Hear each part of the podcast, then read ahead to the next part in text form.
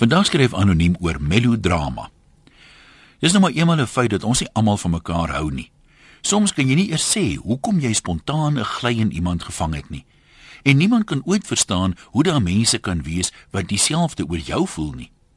Ek verstaan wel hoekom mense wat aandik my altyd rooi laat sien. Dit kom basies op lieg neer. En so iemand as hy eers melodramaties raak, dan kry ek lus en druk hom of haar uit soos 'n puisie soos die vrou wie se brief nou die dag op loslip gelees is. Sy sê iets in die lyn. Hoe amazing is dit dat jou kind straat af kan slenter vir melk, iPod en selfoon nonchalant sigbaar en in gebruik, wetend hy gaan ongedeer terugkeer, besittings veilig in die hand en rasend honger van die vars seelig. Nou, die vrou bly in Australië en die klein brat wat gaan melk koop met sy selfoon en iPod in die hand en in gebruik, kan dit kwansuis net in Australië doen.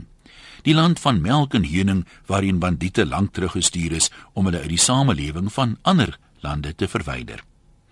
Kyk, dis een ding om te besef misdaad is gans te hoog in Suid-Afrika. Ons stem almal daaroor saam.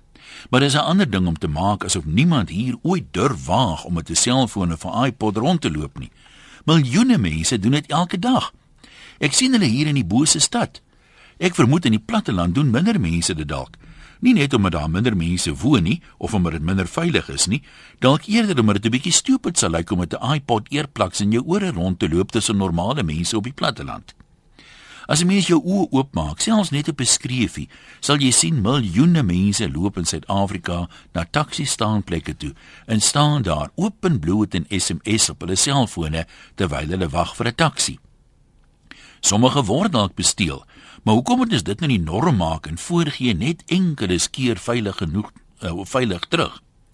Ouer mense praat altyd oor hoe sorgeloos hulle as kinders kon fietsry en hoe jammer hulle vir vandag se arme kinders is dat hulle dit nie meer kan doen nie. Kyk, as dit waar was, dan sou 'n mens mos nooit 'n enkele fiets by 'n skool se fietsrakke gesien het nie. Daar sou ook geen winkels gewees het wat fietsse aanhou nie. Hoekom sou hulle as daar geen mark is vir fietsse nie, want niemand durf dit waag om 'n fiets te koop nie? Maar wat is die waarheid? Naweke wemel die paaie hier buite Johannesburg van fietsse.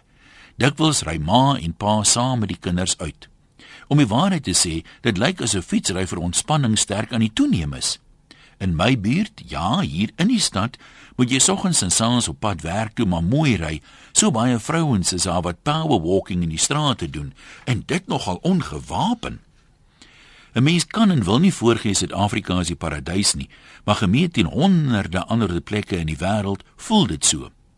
Mamma voel glad nie bekommerd oor haar seentjie daar in Australië nie. Maar hoe sal sy tog ooit iets negatiefs raak gesien kry deur daai rooskleurige bril wat sy net in Australië dra?